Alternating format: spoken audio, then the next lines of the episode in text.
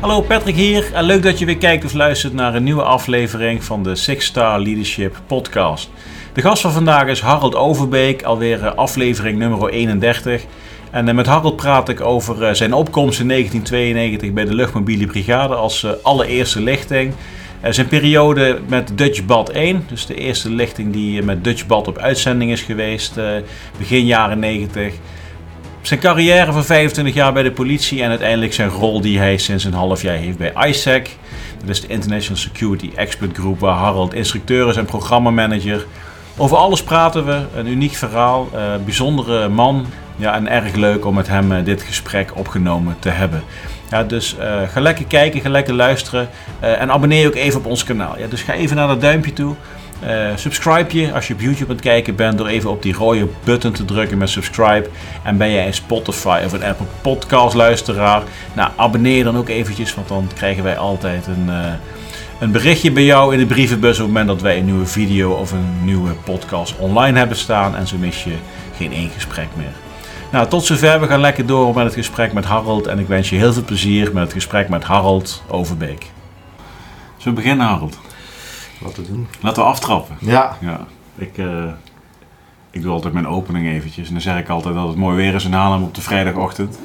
En iedereen denkt, die gast die spoort niet. Nee, precies. Maar Harold, kijk eens naar buiten. Het is gewoon mooi weer, hè? Het is fantastisch, ja. ja. Het is vandaag volgens mij 26 eh, februari 2002. 2021, sorry.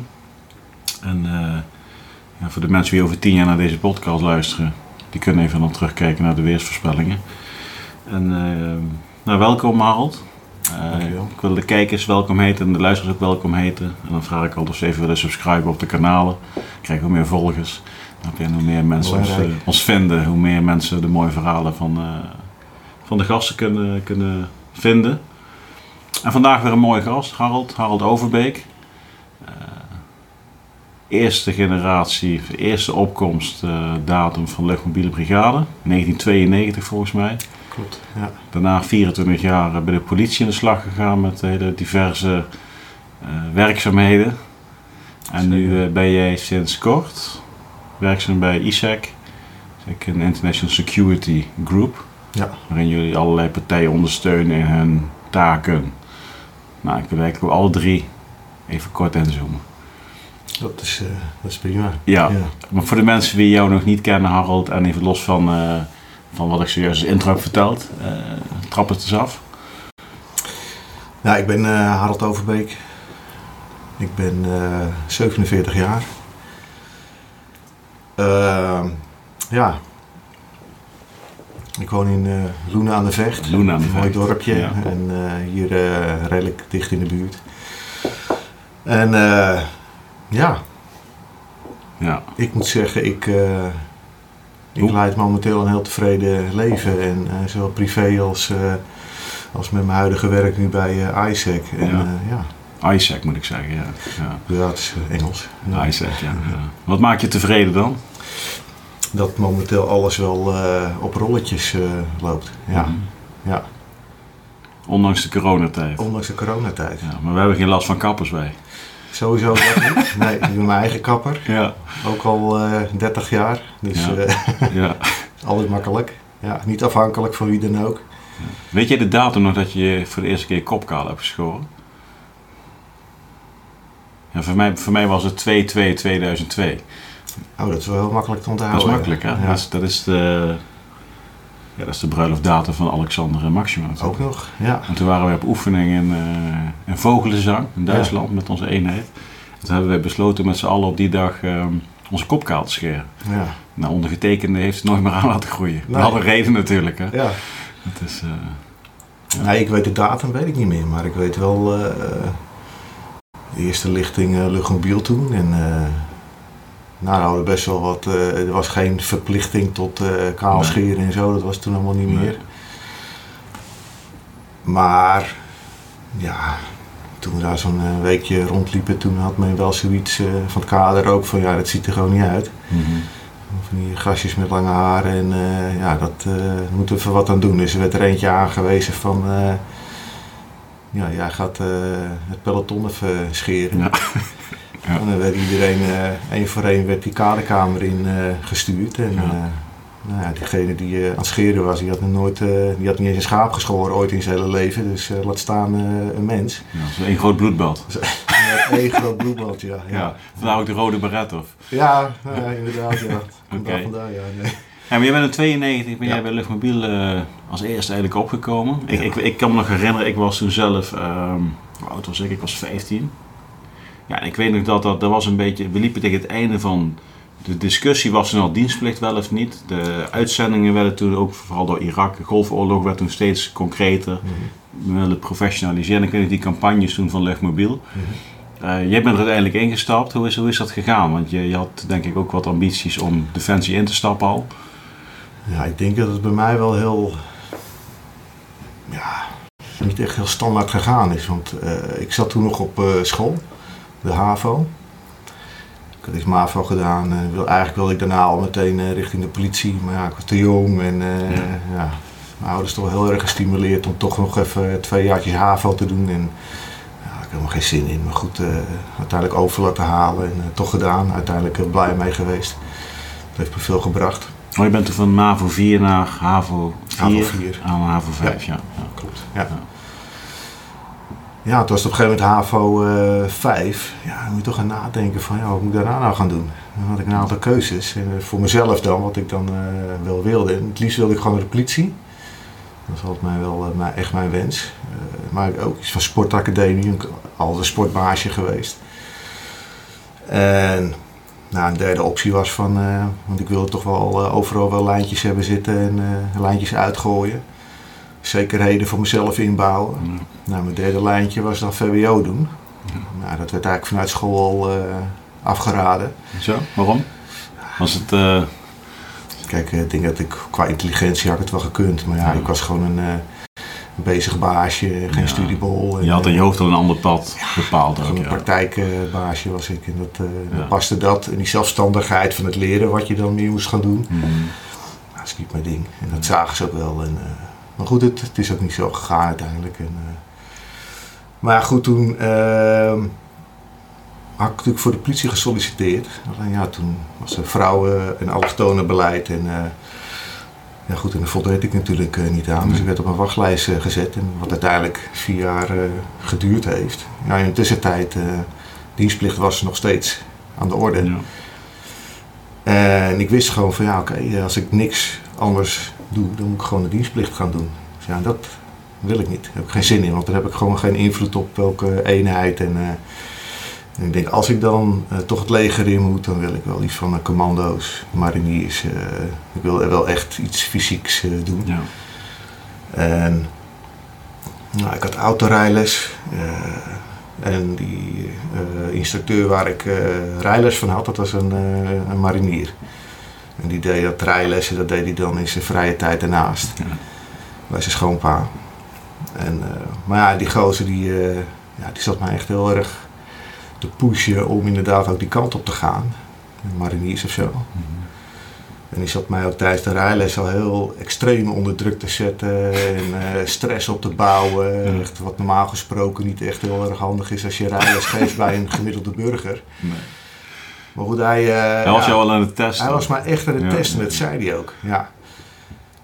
Nou, toen zei hij op een gegeven moment, kwam hij op een dag van, goh, Harald uh, zegt, uh, nou intern heb ik gehoord dat er een nieuwe elite-eenheid wordt opgericht. En ja, dat heet iets van de luchtmobiele brigade. En zegt, ja, als je daarbij kan komen, dan ga je waarschijnlijk wel een hele gave tijd tegemoet. Want dan gaat alle geld gaat er naartoe, alle was het paradepaardje. Dat is echt een paradepaardje, ja. ja.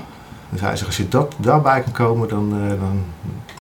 Maar ja, die reclames waren er toen helemaal niet nog. Dus ik heb toen een, uh, een handgeschreven briefje geschreven. Naar het ministerie van Defensie, opgestuurd. Ja, toen kreeg ik netjes uh, een grote envelop met allemaal folders en zo. En, en aanmeldingsmateriaal. Maar ik was meteen enthousiast toen ik het ook zag in die boekjes en uh, het zag allemaal gelikt uit. Ja, ik heb gewoon meteen gesolliciteerd. En uh, eigenlijk zonder te weten waar ik in zou stappen, want ik kom totaal niet uit de militaristische familie. Nee. Dus ja, dat, uh, ik had ook geen voorbeelden. En, ik ken ook helemaal niemand die daar verhalen over had of ervaringen daarover kon delen. Dus ja, ik was echt zo bleu als wat. Dus ja, maar die politiedrive zat er wel in? Dat bleef, ja. Maar is, zit dat wel in de familie dan? Ook niet. Ook niet? Nee. Dat is wel een beetje vreemde eend in de bijt uh, geweest, ja. Maar komt het vandaan dan? Heb je dat ooit opgezocht voor jezelf? Of wat die drang? Of, het is misschien geen drang, zeg ik misschien verkeerd, maar wel echt die interesse om dat soort werk te gaan doen? Ik heb wel vanuit uh, altijd wel het gevoel gehad om mezelf uh, te bewijzen. Ja. Ja, dus dan zoek je een omgeving op waar dat mogelijk is, zeg maar.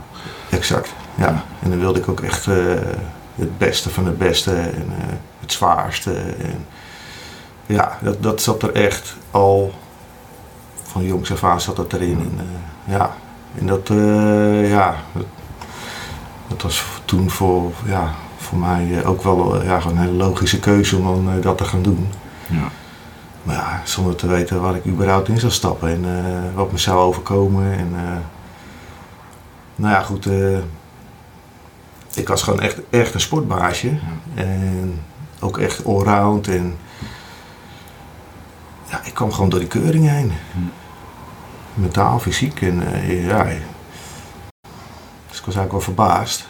Ja, en we spreken nu over 91, denk ik, hè? Ja. Dat hele proces. Ja. 92 ben je dus, uh, ja. is dat gestart. September hele, 92, uh, ja. ja. Maar dat speelde dan tegelijkertijd met de Eerste Golfoorlog, of niet? Uh, ja, dat zou best kunnen, ja. Dat is met je in die tijd dan. Ja. ja.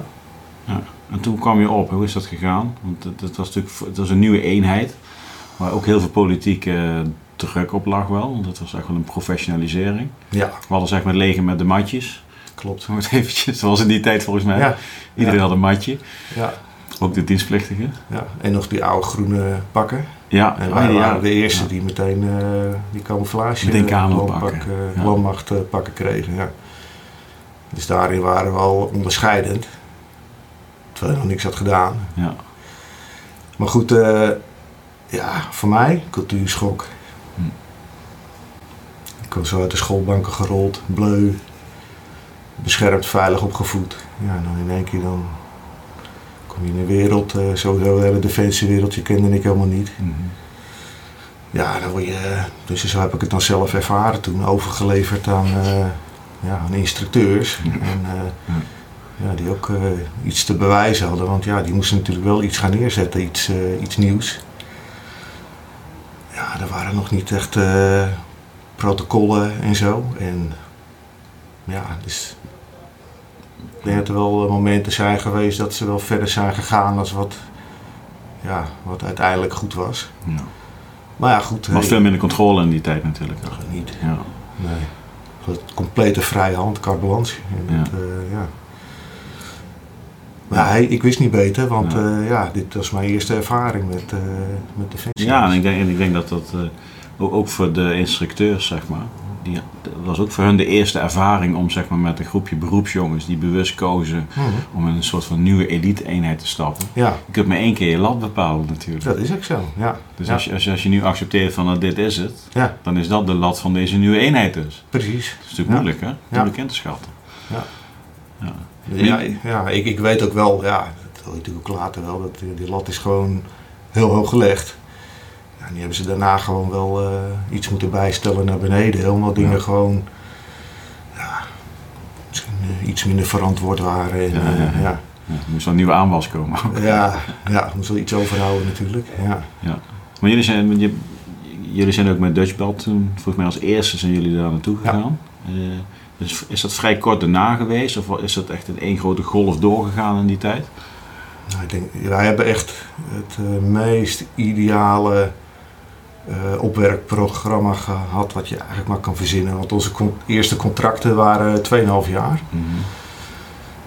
Nou goed, uh, ja, iedereen opgeleid.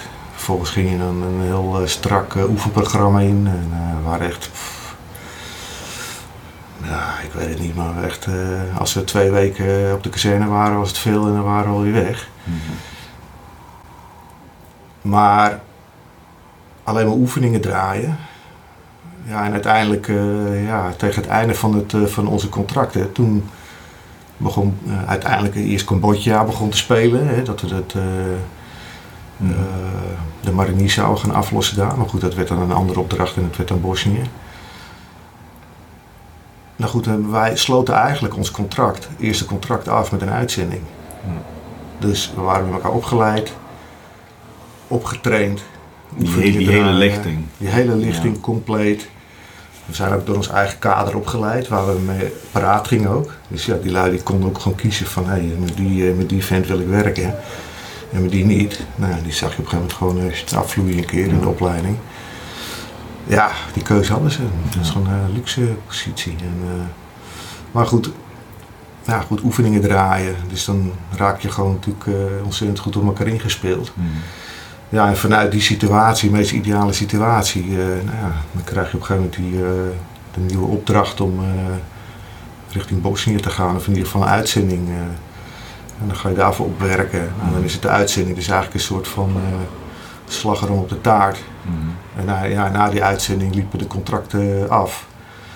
Ja, en dan was het, ja, degene die bijtekenen, die, die gingen daarna weer verder. En degene die de dienst uit wilde, nou, die gingen weg. Ja. Maar dan had je wel een compleet pakket zeg maar, van 2,5 jaar. Van begin tot het eind. En afgesloten met een uitzending. Maar ja, goed, eh, Ja, maar ben ben je na de uitzending, heb je toen bijgetekend bij Luchtmobiel? ja, Ben je gewoon gebleven, oké. ja. Ja, wat is de impact geweest van, van die uitzending op jouw tijd bij Defensie, zeg maar, vooral die periode? Want iedereen heeft het natuurlijk over het Dutchbad, maar Mhm. Dutchbad is niet alleen maar Dutchbad dat gevallen is, zeg maar. ja. Jullie waren zeg maar de first entries. ja. Eh, ook heel erg politiek beladen, denk ik, dat we Nederlandse Ja. eenheid weer voor het eerst op die manier vooruit gingen sturen. Ja. Hoe heb jij dat ervaren? Je was zo'n 19 of zo, 20? ja, klopt. Jong gastje nog? Ja. Nou, ik was eigenlijk niet zo mee bezig. Nee. politiek gezien. Ik was gewoon echt. eh, nee, ik was gewoon echt alleen maar met, me, met mijn eigen ding bezig. En eh, ja, mijn eigen omgeving en met de maten. En eh, ja, met z'n allen heel terugkomen. En vooral, dat is mijn persoonlijke ding. Ik wilde gewoon alles meemaken. Mhm. Ook weer die bewijsdrang. eh, ja.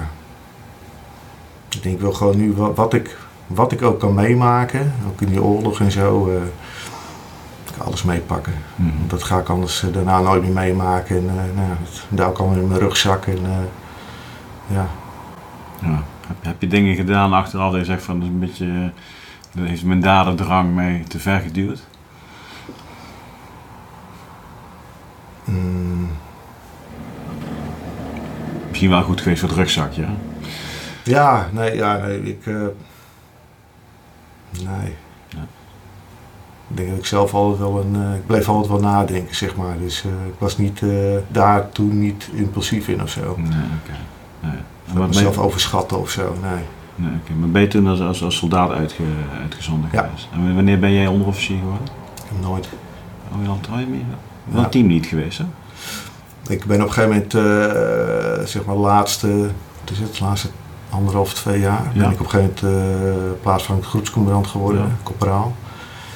En ja, ik had toen op een gegeven moment een eh, groepscommandant en ja, een gauw kerel. Alleen ja, door omstandigheden ja, was hij er niet of kon hij er niet altijd zijn. En dat was ook vooral tijdens de oefeningen en zo, trainingen. En dan eh, ja, was ik degene die dan de, de ploeg eh, draaide, zeg maar. Mhm. Dus dan had ik de functie als groepscommandant. Dus ja, die functie heb ik dan wel gedraaid. Ja. Maar als plaatsvervanger. Ja. Maar voor- vooral vanuit je praktijk, kennis, ervaring, eh, know-how. Dus Ja. Dat is, dat is natuurlijk heel belangrijk. Ja, ja echt, echt vanuit eh, mijn ervaringen. Ja. Ja. En ja, wij werden toen op een gegeven moment wel, eh, eh, ja, kregen we zeg maar de kans om ja, de eerste lichtingen BBT en BBT onderofficier en BBT officier, eh, ja, die intern opgeleid konden gaan worden. Ja. Dat werd toen ook helemaal uitge, uitgewerkt en nou, toen was ik dan wel degene die vanuit de Alpha Coins Compie eruit getrokken was om eh, PC te, intern Mhm. PC opgeleid te worden op de KMA en dan weer terug te komen als eh pelotonscommandant. En dat traject zou ik ook ingaan. Waar het niet dat toen in één keer ook het eh politietraject eh, begon Ja. te lopen. Ja, toen had ik echt, toen stond ik echt op een tweesplitsing van hey, doe ik? ga ik eh, naar de KMA om uh, officier uh, luchtmobiel te worden. Of, Mhm. En dat is dan een bepaalde tijdcontract weer. Of ga ik voor een vaste baan bij de politie. Ja. Nou, dat is het laatste wat ik uiteindelijk dan uh, voor gekozen heb. Politie is het geworden, Ja. uiteindelijk toch. Toch je hart gevolgd misschien, Ja, toch wel. En jij kent Erik ook, zeg je, zei je Ja. voor de uitzending. klopt. Ja, Ja. Erik Brakert. Ja. Waar kennen jullie elkaar van?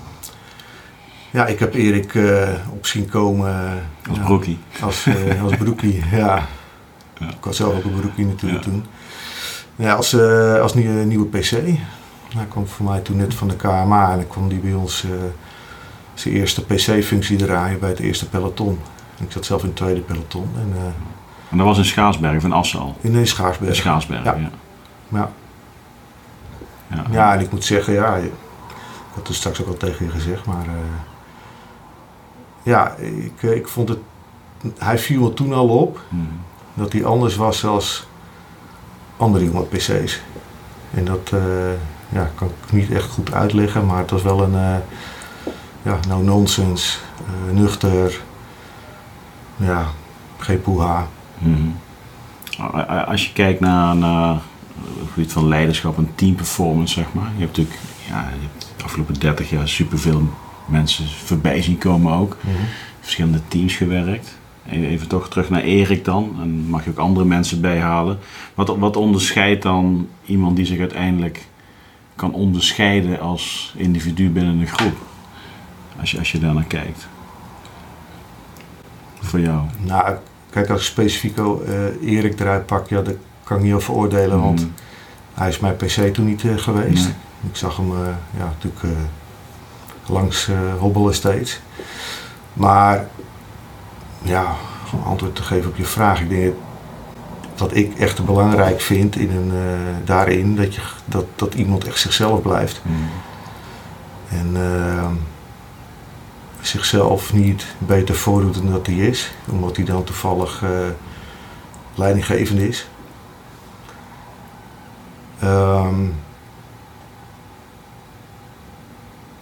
en ik denk dat het heel belangrijk is dat je eh, degene met wie je werkt, of het nou eh, ja, op gelijkwa- gelijkwaardig niveau is eh, qua leidinggevende functies of degene ja, die eh, onder je werken, maar dat je iedereen respecteert wie die is, wat hij is, wat hij doet.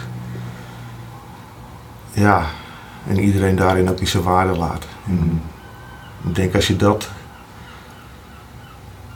nou, dat kan uitstralen, ja, dan wordt dat ook op de werkvloer ook zo gevoeld. En dan eh, denk ik dat je dan veel meer voor elkaar eh, krijgt en gedaan krijgt dan dat je ja, autoritair eh, Mhm. je dingen uitzet. Ja. Dus dat je echt gewoon zelf jezelf blijft. Ja, Maar dat je ook anderen zichzelf kunt laten la- blijven, zeg maar. Dat anderen ook zichzelf kunnen zijn. ja nou, hij laat je anderen ook in zijn kracht, Ja. zeg maar. Ja. En ja, dan denk ik dat je wel het beste uit iedereen kan halen op die manier. Ja. Ja, dat denk ik ook wel. Ja. Ik denk zelf, als je zelf niet jezelf bent, dan gaan de mensen om je heen zich ook anders gedragen. Ja. Hoe kun je elkaar dan ook helpen om beter te worden? Ja, Want je weet helemaal niet waar je iemand mee kunt ondersteunen uiteindelijk. Ja. Of is het is, eh, En maar je had mij, ik wil het toch even horen, dat verhaal van Cyprus. Wat je dat vertelde. Want jullie zijn elkaar ook op Cyprus tegengekomen. ja klopt. Maar je bent niet op uitzending geweest naar Cyprus. Nee, Nee. nee. Vertel eens. Nou ja, ik zat toen op de politieschool en ehm, ik had toen op een gegeven moment eh, ja, zomervakantie eh, van de politieschool. Dus eh, nou ja. En mijn maten, die nog allemaal bij Lugonbiel eh, zaten, die waren dan uitgezonden naar eh, Cyprus. En nou, toen had ik eh, met die gasten afgesproken om dan in mijn vakantie eh, naar Cyprus te gaan. Op vakantie, want Cyprus, ja, het was ook toen gewoon een vakantieoord. Maar goed, eh, door die eh, spanningen tussen de Turkse en Griekse Cyprioten, ja, was de reden dat zij daar Ja. dan zaten, zeg maar. Met, ook met Engelse eenheden, Britse eenheden. Nou ja, goed, eh, lang verhaal kort. Dus op een gegeven moment eh, ben ik daar naartoe gegaan. En ben ik daar ook een dag uitgenodigd om nou ja, gewoon te zien waar zij dan zaten, zeg maar. In, die, eh, in de democratie. Die- Als toerist. ja, als toerist, ja. Ja. Nou, dus ik kwam daar het kamp opgelopen. Nou, die, een van de eerste die ik daar tegenkwam, dat was eh, ja, Erik Brakert. Het enige wat het eerste wat hij zegt is van, hé hey, Overbeek, wat doe jij hier? Ik zeg, ja, eh, op vakantie. Ik zeg, hey, eh, heb je misschien zin om, eh, ja, die jongens gaan zo meteen op patrouille en even mee te gaan, weet je wel. En nou, is uiteindelijk eh, omgehangen en eh, ik ben er uiteindelijk op meegegaan. En, eh, ja. en ja. Heb je er vertel- foto's van? Ja, ik heb daar wel foto's van, alleen die moet ik echt eventjes weer gaan opgraven, Ja. maar er zijn foto's van. Ja, want ja, toen ik uiteindelijk weer op de politieschool terugkwam en ja, iedereen natuurlijk zijn verhaal over een leuke vakantie en uh, goh Harold, wat heb jij gedaan in je vakantie? Ja, ik heb patrouilles gelopen. Vredesmessies. ja, dus dat, eh, Ja, maar dat was je oude club natuurlijk, ja, die daar zat. ja. Hoe was het om die gasten weer te zien? Want jij was ondertussen natuurlijk eh, overgestapt naar de politie. Ja, En toen kwam je op vakantie die gasten weer tegen. Hoe voelde dat? ja. Want dat is niet zo, dat is een beetje, dat je zegt politieacademie, dat is, dat is Mhm. net erna dan, of niet? Ja, ja, ja. Ja. Ik denk dat ik net een, eh, ja, ik denk anderhalf jaar weg was of zo. Ja. Nou, eigenlijk was het heel vertrouwd, want eh, ja, de- ik had met die gasten gewoon zo intensief contact. Gewoon echt ook vriendschappen. Dus ja, of we elkaar nou eh, in het weekend eh, met stappen op, op pad gingen naar Amsterdam of Ja. kwamen elkaar op Cyprus. Cyprus. Nee, precies. Dat het. Ja. Nee. Nou, eigenlijk viel het allemaal gewoon een beetje in elkaar, zeg maar. Ook, ja, denk voor mijn eigen gevoel en misschien ook een beetje mijn verwerkingsproces dat ik eh, bij Defensie weg was en bij de club weg was. Die kameraadschap, die, eh, die binding die we gewoon hadden. En ja, dat miste ik heel erg op de politieschool. Ja. Ja, één dagje daar ook en het, was, het klopte gewoon meteen weer. En, ja, dat, eh, Heb je toen getwijfeld van shit, ik, ik wil Ja. terug naar, eh, naar deze club? Er zijn een paar momenten geweest dat ik echt wel getwijfeld heb, ja. ja. En dit was er een van. Ja, ja dat snap ik. Ja. Ja. Noem eens een ander moment. Ehm, jij zegt dit is de één van, hè? Dus Ja. is er nog eentje natuurlijk. klopt. Ja. Nee, ehm, mijn buddy, die, eh, die is omgekomen in het, eh, met het ongeluk in eh, Noorwegen, met koudweertraining. Was er een viertonner was een ravijn inge, ingegleden. En dat is, nou ja, goed, uh, wat jaartjes geleden natuurlijk. Maar goed, ja, dat, dat was gebeurd. Dus ik werd toen ook inderdaad gebeld uh, vanuit Noorwegen door de maten van hey, hey, het is je buddy, weet je wel. Dus uh, we zijn toch wel een van de eerste die, jou, uh, ja, die we dan bellen. Ja, en toen ben ik in die periode, dat, gewoon vanaf dat moment, in die week daarna, ben ik nou, gewoon een aantal keren gewoon naar Schaarsbergen gegaan. Om dus met die gasten, zeg maar, uh, ja, gewoon daar te zijn. Ja. En ja, ook met condoleren, condol condoleance, dat ik ook met die, ja, ging ik eerst naar Schaarsbergen toe en toen met die club met de bus mee naar nou ja, de plaats waar dan de, mm -hmm. zijn ouders woonden en waar dan de condoleance was. En uh, ik had er ook rechtstreeks naartoe kunnen rijden. Ja. Maar ik, ik ging met de maten mee. Dus ja, en ik was gewoon een van hun weer. Mm. Ik, was gewoon, ik, was, ik was er gewoon weer. Ja.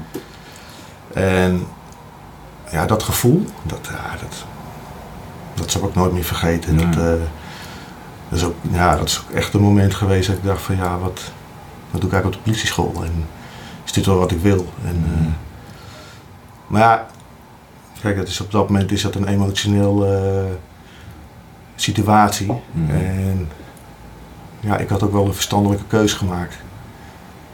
En ja, waar ik uiteindelijk natuurlijk ook helemaal nooit spijt van heb gehad. Dus, uh, maar dat is wel een moment dat ik wel weer even dacht van... Uh, ja, snap ik, ja. ja. Dat is uit de tijd dat de viertonners nog niet die rolkooien hadden. Hè? Nee, dus naar aanleiding van die situatie ik, ik is, weet het, het nog, ja. is dat aangepast. Ja. ja, ik weet het nog. Dat, dat, welk jaar is dat? Mm. 96, 697, iets later. Voor mij is het 98. Ja, zoiets. Ja, ik weet het nog. Ja. Ik, ik kan me nog heel goed herinneren dat, eh, dat incident. En toen is er even later, is er op de A2 bij Eindhoven, is toen ook zo'n ongeluk gebeurd met zo'n viertonner op de snelweg. Dat gebeurde een hele korte tijd achter elkaar toen. En toen hebben ze een sneltreinvaart, kooi erin gebouwd. En Ja, Dat is echt eh, gigantisch. eh, ja, ja, heftig man. En dan word je ook in één keer terug met een hele grote groep van jouw eerste. Die zat natuurlijk nog bij ja, Defensie natuurlijk. Ja, en die kwamen allemaal weer samen. Ja. Heb je, waren er toen ook nog meer die zeg maar hun eigen pad waren gegaan, die, die daar elkaar weer ja. ontmoeten? Er waren al een paar, ja. Ja, Ja? klopt. Ja. Niet heel veel, maar wel eh, een paar. En nou, goed, die waren er ook gewoon. Ja, Oké. ja. Nou, heftig, ja. Nee, ik weet dat nog. En die, die, ik, ik weet nog die, nou, die keuze voor, voor die rolbaren destijds. Dat, dat was ook eigenlijk wel het begin van een totale veiligheids... eh, alles ging plotseling op Ja. de kop binnen Arbo, Defensie. technisch Arbo, Arbo kwam. ja. De, de mosterd moest gekeurd worden dat hij een broodje worst kan bijspreken. Ja. Maar alles werd in één keer... eh, dat, was natuurlijk, dat was een beetje de overgang van de dienstplicht was langzaamaan helemaal Mhm. uit het zicht. Ja, En nu gingen we dus echt over een professioneel leger. En het was plotseling een bedrijf, Defensie. precies. Moest aan dingen voldaan worden. Ja. Maar goed dat het gebeurt is natuurlijk uiteraard. Alleen de aanleiding is... Ja, het is altijd natuurlijk een vervelende aanleiding. En Ja. eh, wanneer de dingen veranderen. Ja. veranderen. Maar het heeft jouw keuze voor politie misschien wel bekrachtigd. Dat je uiteindelijk toch hebt gezegd van... eh, Ja, nee, ja, ja. dit is mijn pad. Ja, want toen heb ik natuurlijk echt voor mezelf eigenlijk opnieuw echt de keuze gemaakt van oké, eh, ik sta voor mijn gevoel weer op een tweesplitsing. Maar ik, ik zet nu gewoon echt door. En nu laat ik het ook gewoon echt voor wat het is. Ja. Kun je iets over je pad bij de politie vertellen? 24 jaar. Een hoop, Ja. hoop gebeurd en gedaan, denk ik. Ja, ja. Wat, wat, wat, zijn de, wat is de rode draad in jouw carrière en wat zijn dingen die wel bijzonder zijn? Nou, rode draad is toch altijd wel gebleven. eh, ja, mezelf altijd weer bewijzen. En ja, Je moet geen parkeerbonnen gaan uitbetalen. Nee, Terwijl het ook goed een belangrijk werk is. hè? Ja, hartstikke belangrijk. En, eh, nee, ja, nee, ik, eh, ik heb altijd wel eh, de behoefte gehad om, om, om andere dingen te doen als wat standaard is of wat iedereen doet. Ik wil wel speciale dingen doen. Ehm,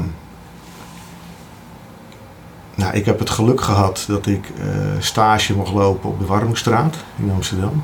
Ik was ook voor Amsterdam.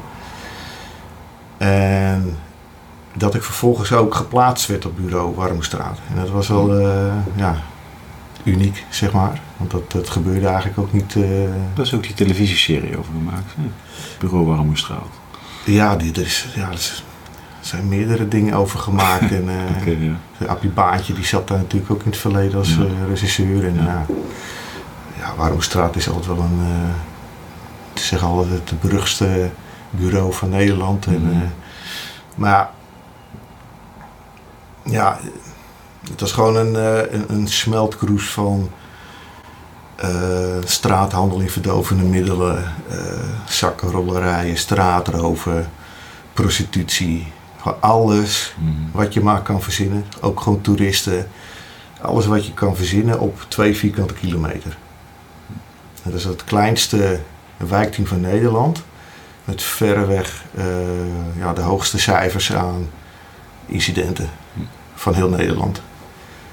Ja, maar ik, ik, weet nog echt, eh, ja. Ik had altijd wel eh, veel spanning nodig, zeg maar, om het gevoel te hebben dat ik leef. Mhm. Dus ja, toen ik op de Warmoestraat ja, begon te werken, hè, we hadden van die groepen toen nog van 15, 20 eh, mensen in een, in, een, in, in een dienst. Nou, dus tegenwoordig eh, is dat gewoon echt niet meer zo. Maar dan startten we de dienst. En er was, ja, het was gewoon standaard een paar keer in de dienst dat er weer een eh, postje erbij was. Assistentie collega.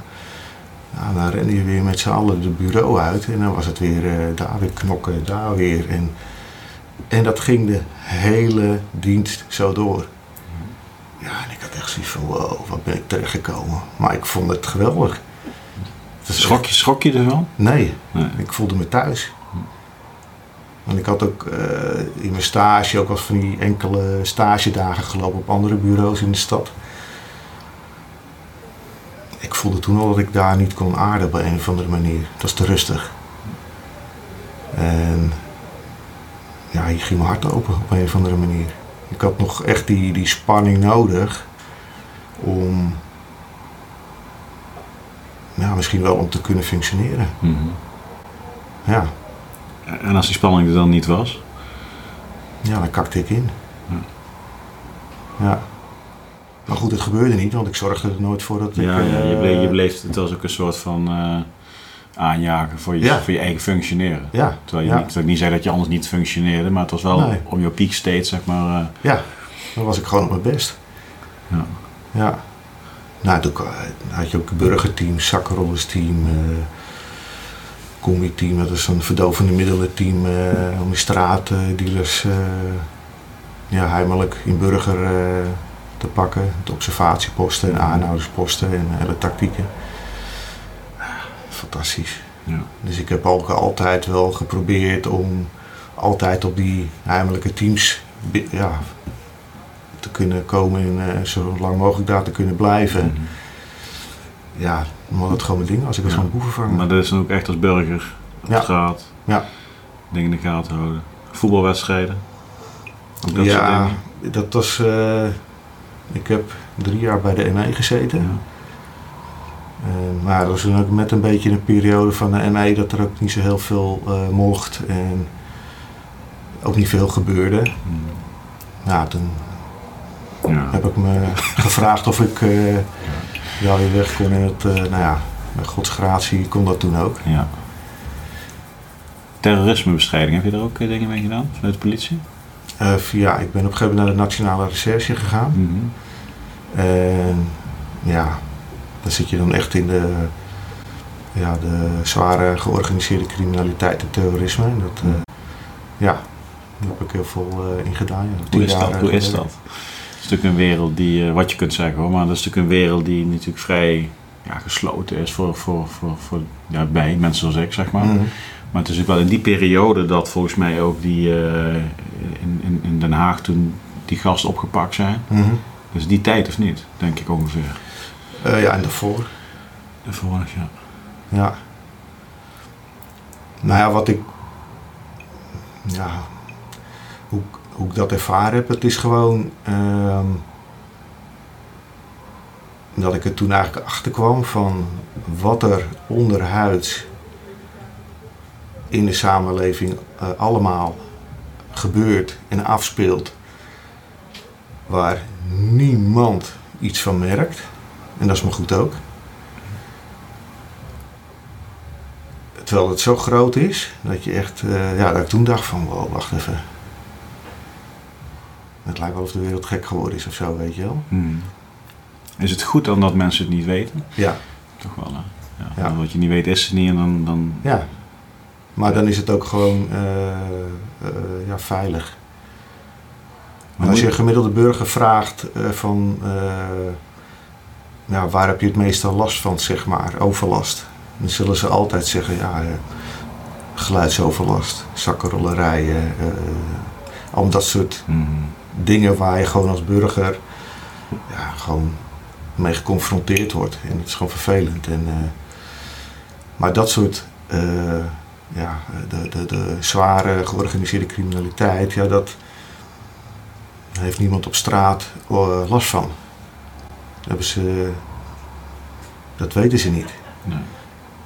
Kijk, op het moment dat er op een gegeven moment een eh, liquidatie op straat plaatsvindt, ja, natuurlijk, dan, eh, ja, dan is het natuurlijk schrikken. Dan is het mensen, ja, mensen worden in één keer geconfronteerd met, eh, ja, vaak dan ook op straat waar ook weer gewoon kinderen rondlopen, bij, bij een school of zo. En ja, het is gewoon, ja, kansloos. Het is ook Mhm. gewoon helemaal. eh, maar wat dan daar, eh, ja, daar dan weer allemaal achter zit. Ja, het is ook gewoon goed dat het, eh, dat het ook niet bekend is. Want Mhm. het is ook helemaal niet nodig. Nee. Ik bedoel, Maar Ja. voor draagvlak misschien. hè. Er gaat natuurlijk- veel geld naartoe. Misschien gaat er wel te weinig geld naartoe soms. Ik bedoel, als mensen niet weten waarvoor het is. En, ze ervaren die onveiligheid Mhm. niet. Terwijl ik een voorstander ben van waarom zou je een onveilig gevoel creëren wat er misschien nooit gaat komen bij mensen. Maar Mhm. d- er is gewoon een onderliggende laag van, van dreiging, zeg maar. Ja. Nou, een beetje bewustwording is wel goed natuurlijk ook. V- voor de mensen. Dat klopt.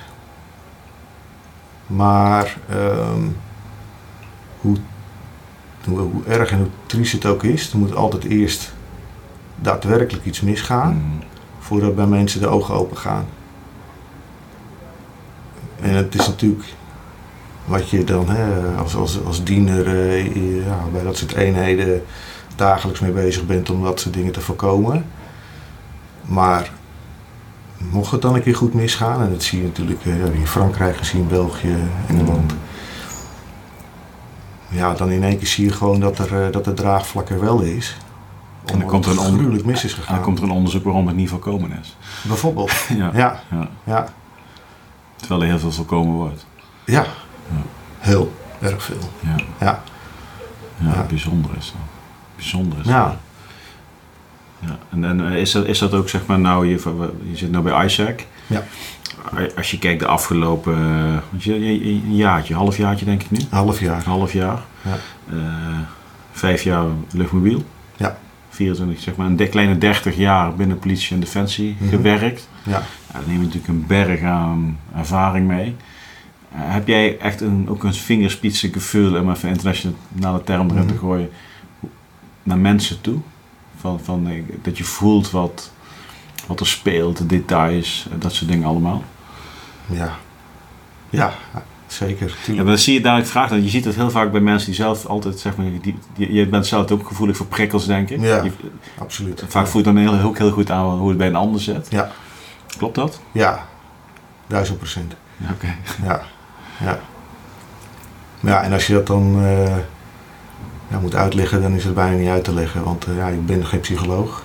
Ja. Dus ik weet het niet. Had je VWO moeten doen. Ja, precies. inderdaad. Ja. Ja. Maar ja. Ja. Hel- Helpt dat jou in je, in je werk? Ja. Ja. Absoluut. En, en, en heb je er soms last van als mens? Ehm, Je zit, je zit misschien vaker niet met anders zijn energie of wat dan ook.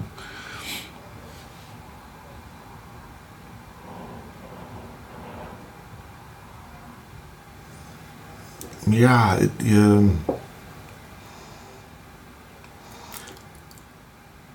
ja ik, ik, ik, je zou er last van, ik zou er last van kunnen Mhm. hebben op het moment dat je eh, eh, iets met een bepaalde persoon eh, hebt of je wilt iets van een andere persoon of een andere persoon van jou en je voelt gewoon dat het of niet oprecht is of er zit iets achter. En je voelt gewoon van, ja, het klopt niet.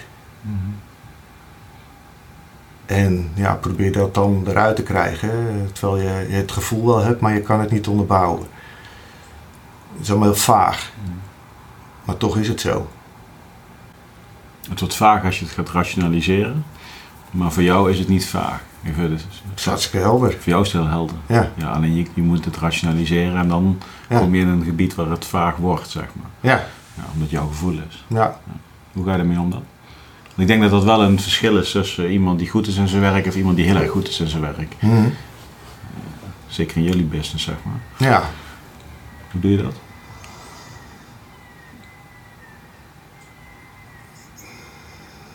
Dat is Een hele goede vraag zeg. Ja. Je moet er ook heel hard over nadenken van, eh, ja, Ik knip, er een paar seconden stilte tussenuit. heel goed, ja. maar ik denk niet dat ik daar echt een, eh, voor mezelf een, eh, een soort van protocol in heb. Ik, eh, ik, dan, dat is gewoon echt per situatie verschillend. En dan, ja, bij de ene zou ik bijvoorbeeld de confrontatie aangaan. En dan zou ik, ja, gewoon echt, gewoon vra echt vragen gaan stellen. Hmm. Om ja, eruit te kunnen halen van, eruit te kunnen krijgen van wat daar dan achter zit. Want dan kan je er ook wat mee. En, en soms dan laat ik het ook gewoon.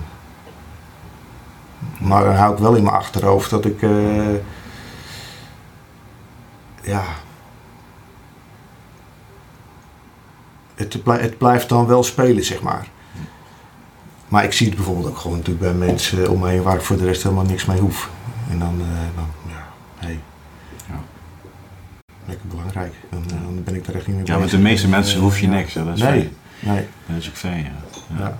Is het bij jullie ook zo dat... Uh, ik, ik wil gelijk even horen waar je nou precies bij Isaac doet dan. Mm -hmm. Dat je zeker in, of dat nou het straatwerk is vanuit de Warmoestraat... Nou goed, je hebt dan vanuit Luchtmobiel de uitzending meegemaakt. Uh, natuurlijk een bijzondere opleiding gehad. Dat daar ook dingen geactiveerd zijn om heel scherp te zijn op de details. Uh, de mensen waarmee je werkt. Zorg dat je dat, de kring van vertrouwen, noem ik maar eventjes, dat je daar heel erg kritisch op bent. Ja, extreem. Ja, ik, ik ben daar wel milder in geworden, maar vooral toen ik net bij de politie begon. Ook, ik kon dat ook niet zo goed uh, loslaten, maar ik stelde zulke verschrikkelijke hoge eisen aan uh, mijn collega's, mensen om me heen. Ja, ik, ik, ging op een gegeven moment ook echt alleen maar zaken doen met de collega's die ik gewoon vertrouwde, waar ik wat mee had. En dat wil helemaal niet zeggen dat die andere collega's niet goed waren in wat ze deden, of überhaupt gewoon goed uh, waren of wat dan ook. Nee, uh, ik was heel erg aan het afmeten naar hoe ik zelf was op dat moment. Hmm. En dan verwachtte ik dat ook van een ander.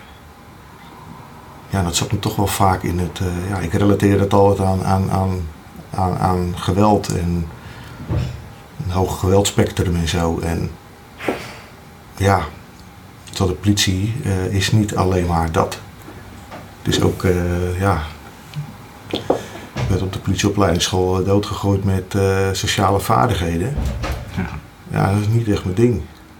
Dat, ja, terwijl het wel precies datgene is wat ja, essentieel is om een goede diener ja. te kunnen zijn. En ook gewoon in, in het normale leven, in een, in een burgermaatschappij. Ja. Mm -hmm waarvan je verwacht dat je communicatief wel, uh, wel vaardig bent. En dat je niet als ja. een afgestompt uh, roofdier uh, rondloopt. En, ja, ja. werkt het gewoon niet. Maar goed, daar heb ik best wel lang over gedaan om daar achter te komen. En ik heb mijn weg daar toen niet gevonden. Hè. En... heb je de deksel een paar keer op je neus gehad binnen zo'n eenheid dan? Als ze zeiden van, nee Harold, hoe is het... ja, we, we, zijn hier voor de mensen. Ja, Even, absoluut. Ja. Tuurlijk. Ja. Dat is een mooi proces dan. Ja, zeker. Ja. Ja, ja. ja snap ik. Ja, maar ja, goed. Kijk, ik ben, ik ben in 97 bij Defensie gegaan. Mm -hmm. En uh, ja, dat ging je ook niet voor de hindernisbaan. Nee. Dus daar ging je ook voor het plaatje, zeg maar. En voor de uitzending. En niet, niet om allemaal dingen mee te maken, maar je ging er niet heen om te leren hardlopen, bij wijze van spreken. Kijk, en als je bij de, ik kan me heel goed voorstellen, als jij op een gegeven moment bij de politie gaat, ja, mensen vinden het misschien belachelijk dat ik dat zeg, maar als je in een ME-team zit, mm -hmm. dan wil je wel die bus uitkomen. Ja, tuurlijk. Want dat, dat, dat, je, je vindt je werk ook gewoon ja. leuk. Dat is wel een basis van wat je aan het doen bent. En dat je dan ook nog een goed doel dient en dat je aan bepaalde afspraken houdt, et cetera, et cetera, mm dat is natuurlijk uh, staat buiten kijf. Ja. Uh, maar daar heb je ook een type mens voor nodig. Klopt. Want wie is er nou zo gek om een helm en een knuppel in een bus te gaan zitten bij een voetbalwedstrijd en op het moment dat het dit is, dan moet je eruit. Ja. Moet je wel iets in je hoofd hebben zitten waardoor je ook ergens voor wil staan, weet je wel. Ja. En ik denk die balans, daar heb ik echt wel rete respect voor, voor al die agenten en iedereen in die veiligheidssector van, je, wel, je moet lachen en op het moment u is moet je mm. ook gewoon gaan. Klopt. Als je naar Afghanistan op uitzending gaat, is heel duidelijk. Ja. Neemt de bugs mee, je gaat voortreinen en dan, dan ga je in actie, weet je wel. Klopt, ja. Dat is natuurlijk ook, ook complex, maar ik denk dat je gewoon in je eigen voortuin hier in mooi Nederland, tussen de Nederlanders in vaak. Ja, midden in de maatschappij. Alles wordt gezien tegenwoordig. Ja. ja. Is, dat, is dat een verandering die, die de afgelopen twintig jaar is gebeurd met, met de social media, met de cameraatjes, noem het dan. We hebben die zeven staan. Ja. Jij denkt niet, waar zijn die andere drie? Ja, inderdaad, ja. nee, maar dat is natuurlijk een mega verandering ook in jullie vak. Ja, tuurlijk. Ja. ja. En ik denk vooral uh, niet zozeer in wat ik uh, natuurlijk uh, de, de, laatste 10, 15 jaar gedaan heb, maar wel toen ik op straat werkte. Toen waren die mobieltjes er niet. Nee. En ja, nee, ik, ik ben altijd ja, ik had voor mezelf altijd een motto: ik ben streng, doch rechtvaardig. En ik behandel iedereen zoals ze mij ook behandelen. En daar hield ik mij ook gewoon echt aan.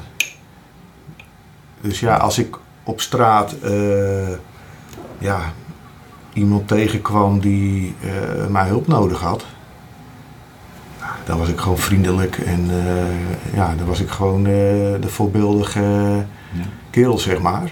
Maar ja, het is ook wel eens gebeurd dat er een, ja, dat je richting een dealer eh, ging in Burger. En eh, ja, die kreeg ook, had ook een beetje een vingerspitsengevoel. En die, op het moment dat je hem wil aanhouden, draait zich om en hij eh, haalt in één keer zo eh, voluit met zijn vuist richting mijn hoofd. Ja. ja, dan duik je er ook op en dan, ja, dan, dan, dan, dan, dan doe je gewoon wat er ook als diener van je verwacht wordt. Maar als daar toen de tijd iedereen had gestaan met een, eh, met een mobiel. Ja, ik denk niet dat ik daar op mijn best eh, bij had ges- ges- gestaan en gezeten. Ja. En het wil niet zeggen dat ik over de schreef ben gegaan. Nee, never. Nee. Never. Maar ingezoomd met slow motion is alles ernstig. Precies. Ja. Ja. Ja. En momentopname. En dat, eh, ja, er wordt gewoon natuurlijk tegenwoordig gewoon voor alles gefilmd. Maar vanaf het moment dat het, ja, dat het er heftig uitziet. Maar wat is er nou vooraf gegaan? Ja, dat zie je vaak niet. De context, de context mis je vaak. Totaal. Ja. De andere kant is natuurlijk ook hè, dat als dingen, als mensen in hè, dienders wel over de schreef gaan, gebeurt ook, ja, dan, eh, ja, dan, dan is het juist weer helpend. En dan vind ik het ook gewoon, dan sta ik er ook echt, dat- echt achter dat dat soort eh, eh, dieners, of wie het dan ook mag zijn, gewoon echt worden aangepakt. Ja. ja. In, in principe is het, moeten we het eigenlijk als een soort van ondersteuning zien. Ja, Dat, dat we het allemaal steeds beter proberen Ja. aan te pakken, zeg maar. ja, Ja, ik, heb, ik, heb, ik had laatst in gesprek met een wat eh, oudere man. Die had dan over de jeugd van tegenwoordig. Ik zei, nou maar goed dat er in mijn tijd nog geen cameraatjes waren. ja, Ik zeg, toen wij met ons Peugeot 205 GTI naar Leeuwarden gingen, uitwedstrijden van NEC gingen bezoeken met een blikje bier op de achterbank. ja, precies. Wat daar allemaal in die stad gebeurde, Ja. Nee, dat was natuurlijk allemaal eh, was incognito in die tijd nog. Ja. Hoop veranderd. En dan, ja, natuurlijk die Beverwijk, toen met, met Ajax toen. Ja, Ja, dat was met, met, met godsgratie was er ergens een verkeerscamera die toevallig de files aan het filmen was. ja. Anders waren er ook nooit beelden van geweest. nooit achtergekomen, nee. Nee, dus dat is... eh Hey, je zit nu bij ISAC. Ja. Wat doen jullie?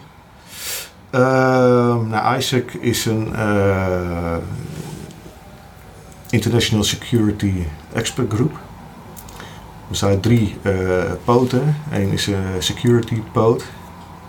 Eh Benno Broek is daar dan de, de managing director van. En ja, die doen dan ook echt de, de beveiliging, hoogwaardige beveiliging, hoogrisicobeveiliging.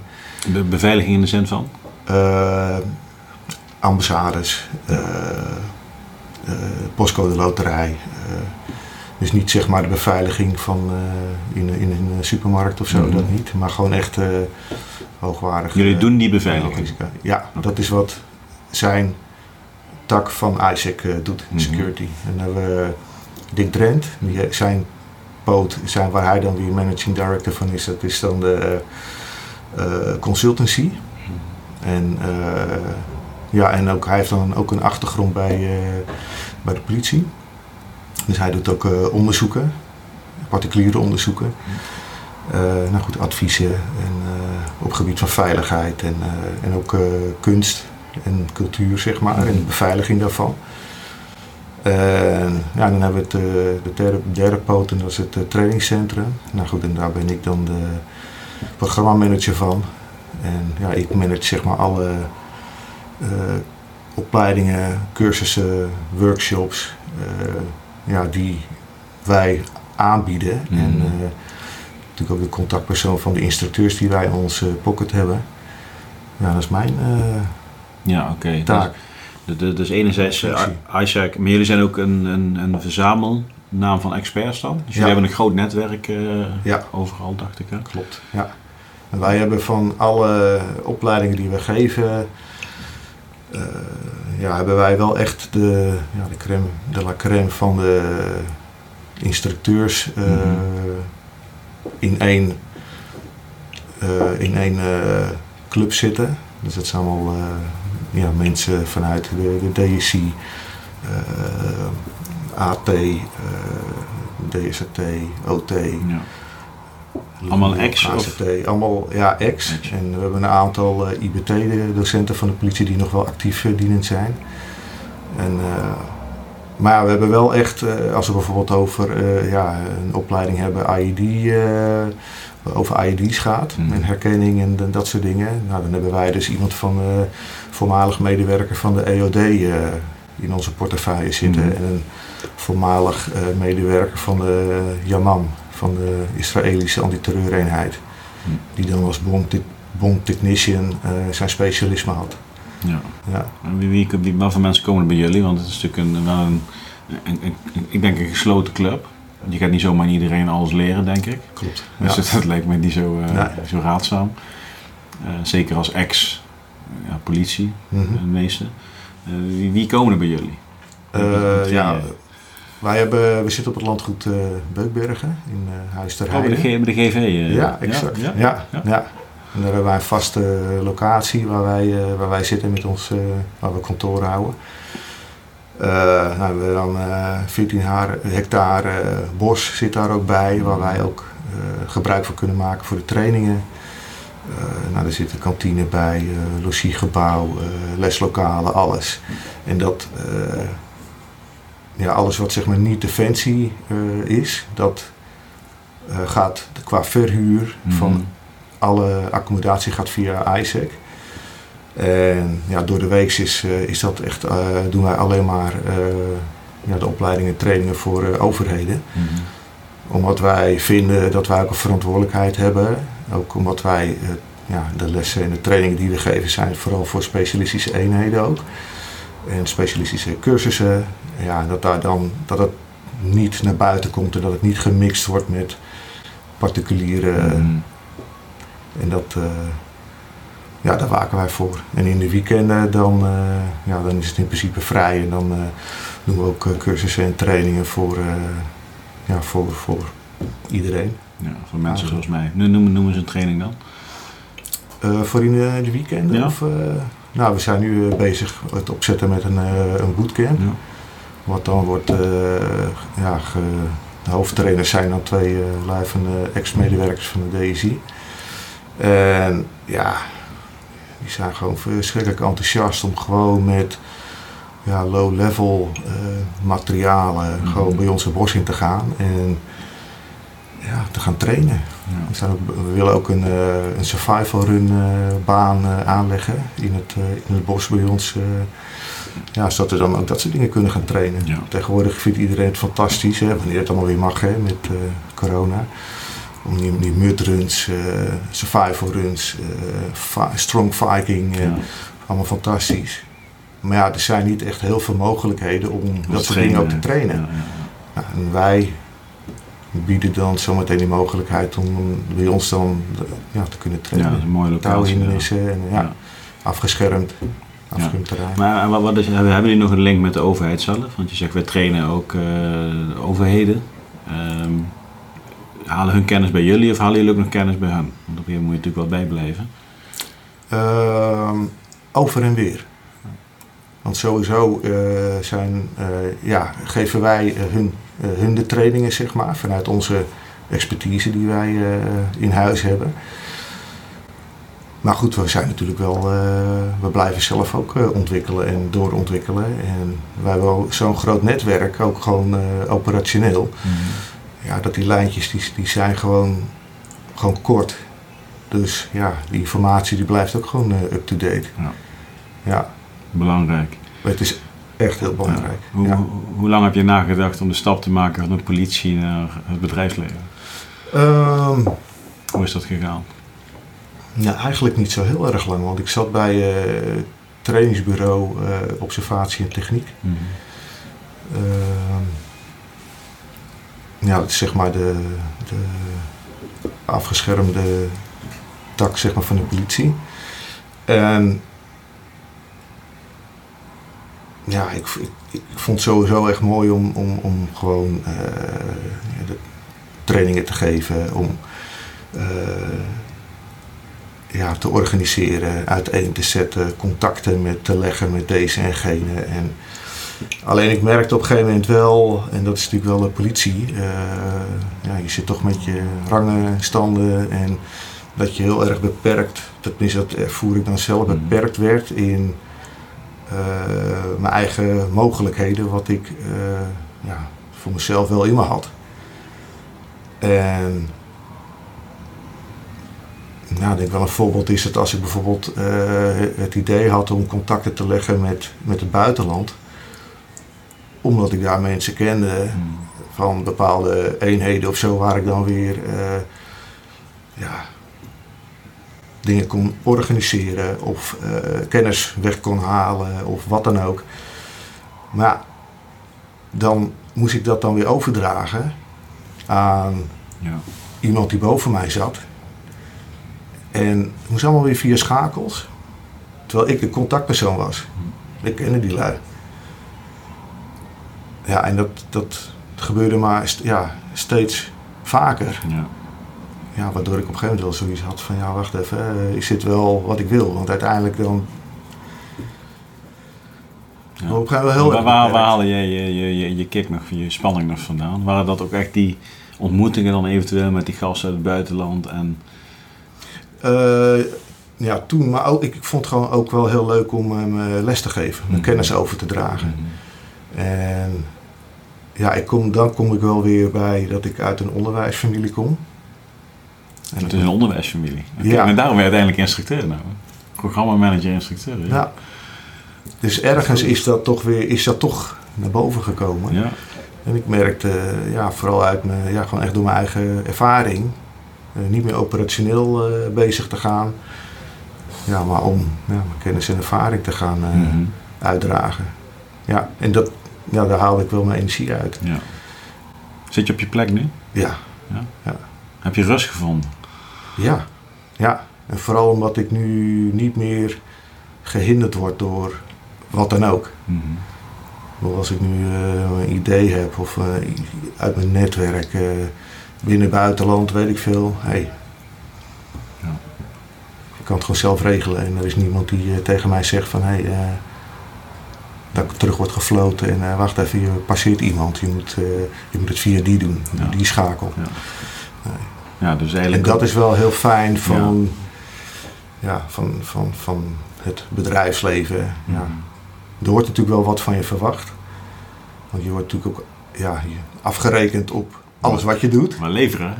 Exact, ja. Maar het is ook helemaal niet erg. Want ik denk als je die eh, gewoon de, de mindset hebt van dat je altijd wel eh, ja, toch, ja, het steberige zeg maar voor jezelf. Mhm. Ja, dan is dat denk ik eh, perfect om dat dan eh, ook in te zetten in, eh, in het bedrijfsleven. Zie, zie je dat verschil in tussen het bedrijfsleven en, en een politieorganisatie? Dat, dat streberige en dat moeten leveren, is dat verschillend? Ligt natuurlijk aan wel van eenheidje zet. Ja. Vooral dat. Ja. Ja. ja. Het enige waar ik wel echt aan moet wennen is acquisitie, reclame maken. Ja. En Helemaal als je uit een ja, afgeschermde omgeving komt, dan eh naar buiten treden bedoel je? je buiten trainen. Ja. Ja. Nou, het is mooi dat je hier zit. Hè? ja, toch? Ja. Ja. Ja, ik, zag, ik zag vanochtend de post van de bootcamp. Ja, Ja, klopt. toevallig. Ja, dus die was. eh, ik zal Ja. ook een linkje erbij zetten joh, in de podcast. Dat is Ja, wel leuk. Even naar, Ja. naar jullie toe wat jullie doen. En, eh, Ja. Harald, ja, godverdikkie. Hè? Lang verhaal. Wel heel mooi, denk ik. Ja. En, eh, ik zie iemand tegenover me zitten die veel heeft meegemaakt. En eh, heel veel know-how heeft, heel veel kennis heeft. En echt rust heeft gevonden. En mooi dat jij nou ook uiteindelijk als, als, als instructeur vanuit een onderwijsfamilie... Want we zijn natuurlijk begonnen met het gesprek van... Ik weet niet wat vandaan komt. Ik, we hebben helemaal geen militaristische dan maar politiefamilie. Ja. Maar dan was het pad ook helemaal niet. Het pad Nee. was uiteindelijk om vanuit die onderwijsfamilie een bepaald vak te leren aan andere Ja. mensen. Dus dan zit misschien wel het, eh, een mooi doel op je pad. Dus, eh, ja, ik ervaar wel dat eh, op een of andere manier de cirkel eh, rond is nu. ja, mooi. En dat geeft rust. Ja. Ja. Wat is de volgende stap? Je blijft toch Harold, je moet toch op zoek blijven gaan? Ja, nee, ik moet heel eerlijk zeggen dat ik nu... Ja, ik ben niet met, nu met een volgende stap bezig. Want ik ben nu gewoon echt met ja, volledige overgave met Isaac bezig. En om dat tot een succes uh, te maken. Mhm. En ja, we zitten met zo'n ja, verschrikkelijke, gave, enthousiaste groep kerels. Hm. Met allemaal hun... Het zijn allemaal eh, kerels, hè? Ja, het zijn toevallig allemaal kerels. Ja. Ja. Maar goed, dat is niet... eh, ja, vrouwen zijn natuurlijk ook welkom. Maar Ja. ja. ja, wij nemen... We zijn allemaal op een of andere manier uit hetzelfde hout gesneden. Het voelt als dat we een, een vriendengroep zijn die met z'n met z'n allen hetzelfde doel hebben en daar gewoon heel succesvol in willen worden. En het beste uit willen halen. En dat, eh, ja, dat voelt gewoon echt heel goed om daar dan ook deel van uit te mogen maken. Ja. Ja. Ja. Ja, man. Hebben je ze niet gezegd, Harold? Er zijn zoveel dingen niet gezegd, maar Ja. eh, Mag er eentje uitkiezen? het is goed zo. Het is goed zo. Ja. Heel goed. Hey, Harold, bedankt voor je, voor je verhaal. Vind ik heel interessant. Je praat er heel rustig over en je zegt je ding. Maar ik denk dat er hele mooie ja, inzichten, ook echt wel mooie ervaringen tussen hebben gezeten. Die, die denk ik echt wel heel mooi zijn om te delen. En dat ga ik met veel plezier doen. En, Dankjewel. eh, ik vind vooral de... Ja, je bent iemand die volgens mij echt naar zijn hart heeft geluisterd wat iets blijven doen. En, en ondanks weerstanden die op je pad zijn gekomen, misschien eh, zowel privé als ook zakelijk, of de mensen waar je mee gewerkt hebt. Je bent denk ik altijd blijven doen waarin jij jouw ei kwijt kon. En daar ben je nu wel de persoon door geworden wie je bent. Ja, en uiteindelijk ook eh, heel erg waardevol voor anderen nu om je heen. En ik vind dat echt eh, mooi om, om te horen in ieder geval. Dus, Dat heb je mooi samengevat. ja, Zo is het ook. oké, top. Dankjewel. Ja, heel bedankt.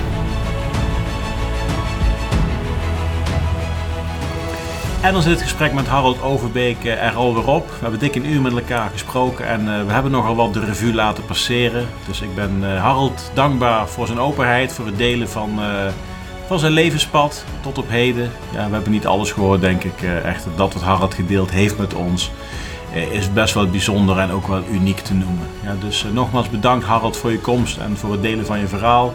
Uiteraard wil ik jou bedanken als, als kijker, ik wil jou bedanken als luisteraar. En vergeet niet te abonneren mensen. Dus eh, ben jij een regelmatige luisteraar van de Leadership podcast of ben je net nieuw, dat kan ook. Nou, druk even op dat duimpje ja, en eh, abonneer je op, eh, op ons kanaal. Ja, op die manier vinden onze video's, onze podcast jou, want we geven jou dan altijd even een berichtje op het moment dat er een nieuwe podcast video, dan wel een podcast audio aflevering online staat. Ja, dus dat gezegd hebbende, bedankt voor het kijken, bedankt voor het luisteren en eh, ik eindig altijd met eh, Patrick. Einde bericht.